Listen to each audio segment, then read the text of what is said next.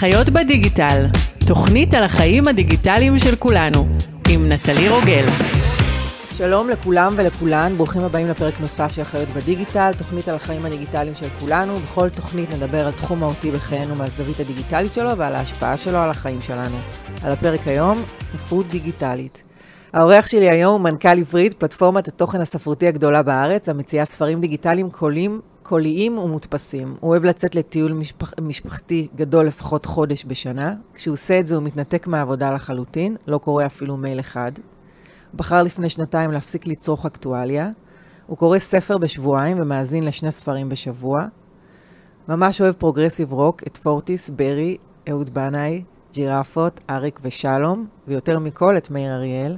הוא עף על העבודה שלו, ולכן אין אצלו שביזות יום א', או דיכאון אחרי החגים. ועוד קודם, הוא גר בתל אביב, נשוי לשריטה, ואבא של אבישג, ארי ואביתר. גיא בן נון. מה קורה? היי נטלי, מעולה, ממש טוב. איזה הקדמה מעולה. קודם כל, אני חייבת להגיד שזה באמת אחת ה... אחד הפתיחים היותר, אה, היותר טובים, באמת, ויותר מעניינים ומסקרנים.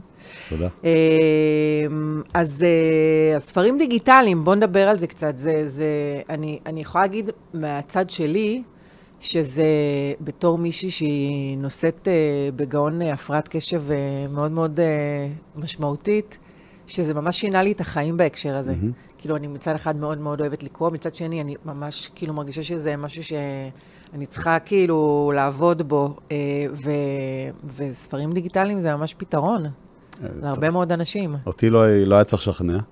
אה, כן, עבור הרבה מאוד אנשים, אה, הם עדיין צריכים את הריח של הנייר, וזה לא כך אה, קל להם לעבור, ולכן עבורי, כמי שעוסק בתחום, זה תמיד מורכב. מצד אחד זה קשה, כי אתה בעצם במרכאות מנסה לחנך שוק, ואני לא רוצה לחנך אף אחד, אבל לשכנע אנשים לעבור ממדיום אחד למדיום אחר זה לא קל. והחלק השני, שזה כבר זה קורה, אז באמת יש סחף די מטורף. והדבר הכי בולט, אני חושב שזה הנושא של מתי אתה קורא. כי כשאתה קורא בספר מודפס, לרוב אתה לא נגרר איתו לעבודה וכאלה, אז אתה בעיקר קורא בסוף היום או בסוף שבוע.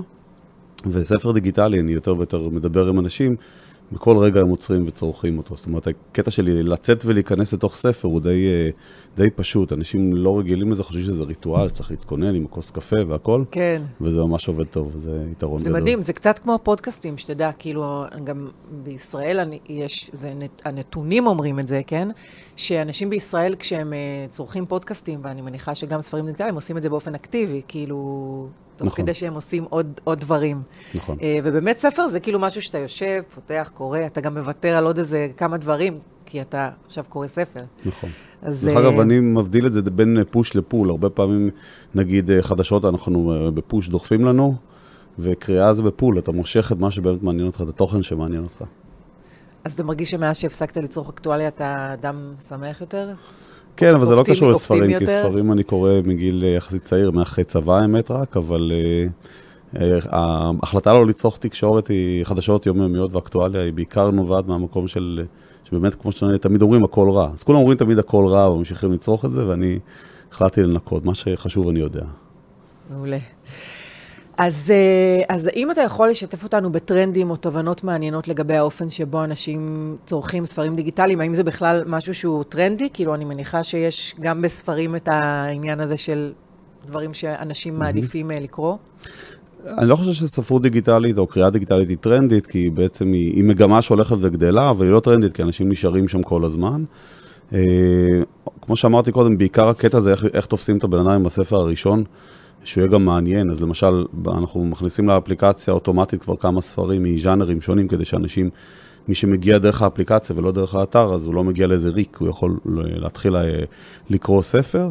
אה, ומי שנתפס באמת, אז הוא עובר הלאה והופך להיות קורא קבוע, או אפילו כפייתי, תלוי כמה אתה קורא. אה, טרנדים פחות, אבל כן אנחנו רואים למשל את כל הנושא של איך אנשים בוחרים את הספר. זאת אומרת, אם פעם היית הולך לחנות אה, פיזית והיו ממליצים לך על ספר, או היית הולך לשולחן המרכזי ובוחר, אז בעברית כאילו יש לך המון המון מידע על איך לצרוך את הספר, שהוא מאוד שונה מאיך שהיינו רגילים לצרוך, ועברית עוסקת המון בנושא הזה של איך לקדם את הנושא הזה. למשל, אה, גולשים, מה אתם אומרים על הספר? תנו ציון. אתם צריכים לקנות את הספר כדי להיות מסוגל להגיב, כדי שלא יהיו אינטריגות. אה, המון, אה, אז יש ביקורות, יש ציונים, יש תקציר, יש פרק ראשון. זאת אומרת, הרבה מאוד מידע על הספר עצמו, וזה שונה מהעולם האנלוגי שהיה פעם. ציטוטים, אנשים מסיימים קטע מספר ונורא קל לצטט ממנו, אז רואים שזה כן טרנד. גם סופרים וגם אנשים שאוהבים את הספר משתפים היום יותר ברשתות החברתיות. סופרים שפונים אלינו ואומרים, וואו, אני לא... כי אם לא שיתפתי, אז כאילו לא קראתי את הספר, אז... נכון, בדיוק. אז באמת אנחנו, הצעד הבא שלנו לשנה הקרובה יהיה לך באמת לעשות אאוטינג למה שאתה קורא, לבחור, לסנן את מה שאתה קורא ולהוציא את זה החוצה. תמיד אני צוחק שיש המון אנשים, כולל אני, דרך אגב, שיש לנו ספריות גדולות בבית. וכאילו זה הרבה מדבר על מה זה מעיד עלינו ומה זה אומר עלינו, נכון. ובפועל כמו תקליטים. בדיוק, אבל בפועל כמה אנשים חדשים מגיעים אלינו הביתה? כמה, כמה אחדות עד כמה עשרות בשנה. אז פה הרעיון באמת לעשות אאוטינג לזה, אבל אני לא חושב שיש באמת טרנד uh, מסוים. אנחנו מתעסקים הרבה בספרים קוליים עכשיו, שזה נושא שהוא חם אצלנו, אז ויש עלייה מתמדת בקריאה, אבל לא, גם זה לא טרנד, זה פשוט גישה אחרת לצרוך תוכן. בדיוק כמו מוזיקה, ש... פעם זה הטרנד לדיסקים, אחר כך ל-MP3, והיום זה, זה רץ חופשי בסטרימינג. יש סופרים שמתעקשים שהם יהיו הקריינים של הספרים שלהם? קודם כל, אנחנו לא מקליטים את כל הספרים, כי זו עלות מאוד יקרה, אז אנחנו בוחרים ככה בפינצטה מה שאנחנו רוצים להקליט ומעניין אותו, מה שאנחנו חושבים שיהיה מסחרי, וגם uh, לגוון כמה שיותר, זאת אומרת, לא להישאר... Uh, כאילו לא להביא רק את משהו שאנחנו חושבים שהוא אה, הכי חם, אלא גם לתת מגוון של דברים. הסופרים עצמם, לא כולם אה, רוצים לקרוא את הספר של עצמם. א', חלקם לא מרגישים שהם טובים מספיק בלקרוא, וב', זה משאב זמן שלא תמיד הם רוצים אותו. אנחנו מציעים את זה כי זה קצת חוסך לנו בעלויות, ובעיקר כי יש משהו אותנטי אם סופר יודע לקרוא את הספר שלו טוב, וזה גם שם טוב, אבל יש לנו קרנים מדהימים שעושים עבודה, וואו, מטורפת. וזה כן משפיע, דרך אגב, על הבחירה. על הבחירה. ממש ככה, כן, אם לבחור את הספר הזה. אוקיי. אמ, אז אה, באמת, אה, מאז כניסתם של ה-chat GPT וה-AI לחיינו בסערה, אני מניחה שיש לזה השפעה משמעותית על עולם הספרות, או, או, או יותר נכון, יש אה, מגמות שהולכות ומתפתחות בהקשר הזה. מה, מה יש לך להגיד בהקשר הזה? אה, בהתחלה נחרדתי, חשבתי שזה... סוף העולם. כן, כי, כי בסוף אם אתה רוצה לפנות ל-GPT ולהגיד לו, תכתוב לי ספר באורך 200 עמודים של, אה, בסגנון אגתה קריסטי, אז הוא פשוט יעשה את זה, ואז אפילו לא צריך את ה... זה לא רק שלא צריך את הסופר, כאילו לא צריך גם את הפלטפורמה לקנות, הכל מוכן. אז האמת היא שאנחנו ממש בתחילת הדרך, כאילו, לא בתחילת הדרך, שהתחילו לדבר על ה-GPT לפני משהו כמו שמונה חודשים, אז אמרנו, טוב, בואו נסתער על זה ונעשה בעצמנו את הספר הראשון ב-AI, שכולל הכריכה וכולל הכל. אמ, ונספר איזה סיפור שהוא סיפור גימיקי, והאמת ישבנו על זה מיטב המוחות, כולל מפתחים שלנו, ולשמחתי גילינו שזה פשוט יוצא מחורבן, סליחה על הביטוי, ממש יוצא גרוע. אז אומרים, טוב, זה בסדר, עכשיו יוצא GPT-4, אז הוא כבר פי אלף מ-GPT-3, זה נהיה מסוכן. אה, אני לא כל כך חושש בעניין הזה. אה, דרך אגב, זו אותה דילמה שיש לנו גם מספרים קוליים, יש השקעה מטורפת בספרים קוליים, ויכול להיות שמחר בבוקר תוכלי לקנות ספר דיגיטלי, להוריד וילון הקראה אוטומטית, זה קיים באנגלית דרך אגב, באפל למשל, ואוטומטית יקראו לך את הספר. אז איזה השקעה מטורפת אתה עושה עכשיו, לעומת מה שיהיה בעתיד. אבל uh, כל דבר בעיתו, כשזה יקרה, נתמודד עם הדבר הבא. אני חושב שהאנושות תמיד יודעת להציל את עצמה מעצמה, איכשהו זה, זה יסתדר. אני כן אגיד לך שבמקומות אחרים, אולי נרחיב על זה אחר כך, אבל הקמנו גם הוצאה לאור, ובצ'אנק אחד מתוך ההוצאה אנחנו רוצים uh, לקחת את הספר של הסופר ובאמת להוציא אותו החוצה לעולם. Uh, הרבה מאוד uh, uh, מו"לים מציעים את זה, אבל בדרך כלל לא מתעסקים, ואנחנו באמת שמנו יוניט שלם שיתעסק בזה, ואחד הדברים זה לתרגם את הספר. אז פה דווקא AI כן מעניין אותי, כלומר לקחת את ה-AI שיתרגם את הספר פעם ראשונה ברמה 80 אחוז, ואז לשים עורך, עורך תרגום, בשר ודם שבאמת יעשה את זה. אז פה הטכנולוגיה כן יכולה לשרת אותך בחיסכון בעלויות, כי בסוף להוציא ספר זה סיפור יקר.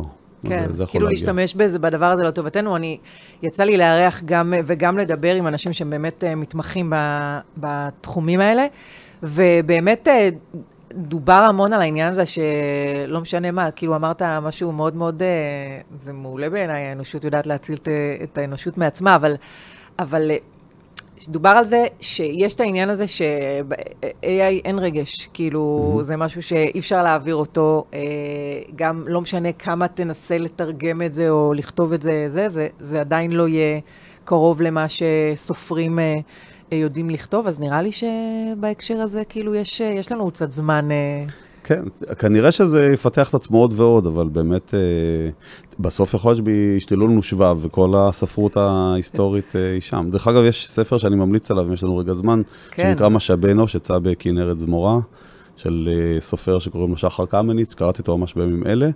הוא באמת מדבר על איזה אה, חברה שסורקת את כל הספרות האנושית, כדי לדלות בעצם מידע על, על, אה, על איך אנחנו, על התובנות האנושיות, ובעצם לתת פרופילים פסיכולוגיים של AI באמצעות כל הספרות האנושית. אז דווקא תראי שזה בדיוק בא הפוך. כן, מישהו, אה, מערכת שאתה צריכה לקרוא את כל, ה, את כל האנה קרנינות ואת כל הספרים שבעולם, כדי לתת תובנה עלינו כס- כאנשים. אז זה מעניין, מעניין, כן. ממש. מאוד.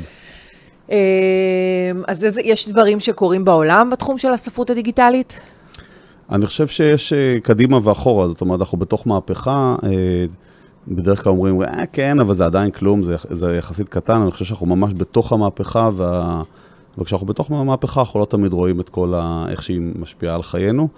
אה, אני חושב שהספרות קצת מתעכבת לעומת, אה, נגיד, מוזיקה או דברים אחרים, כי אה, יש, זאת אומרת, זה, זה, ספרות זה עניין של פנאי ועניין של בחירה, וגם אנחנו מוצפים במסכים, ולכן המעבר למסך, כאילו מתוך בחירה, כשזה בשעות הפנאי שלי, יותר קשה לאנשים, ואני חושב שהמעבר... כי אז המאבק, יש גם מאבק בין נכון, האין ספור אפשרויות של תוכן, לבין באמת לשבת נכון. ולהתרכז בדבר הזה. אז יש ספר שנקרא 4,000 שבועות, והוא בעצם, בעצם אה, עוסק באיך אתה, הוא, הוא נוגע שם באיזו נקודה של איך צורכים ספרים, וכל השנים חשבתי שאני צריך איכשהו לנסות להתמודד כמנכ"ל עברית עם האנשים שטוענים שלקרוא ספר זה מייצר disruption.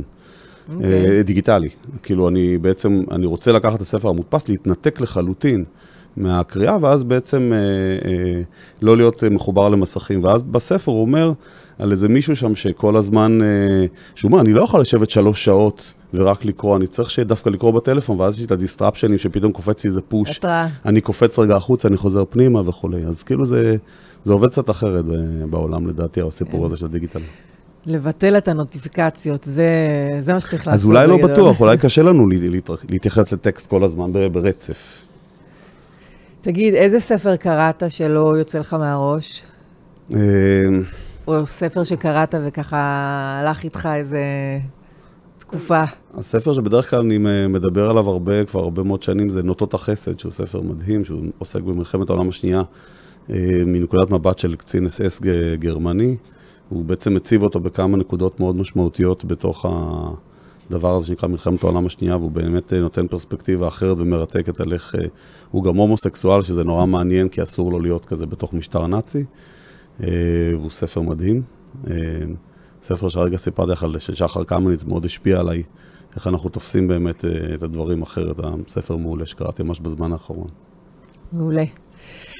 אז איזה עצה היית נותן ליזמים שמעוניינים להיכנס לתעשיית הפרסום הדיגיטלי, או לטכנולוגיה של, אה, של, שבתחומים של ספרות?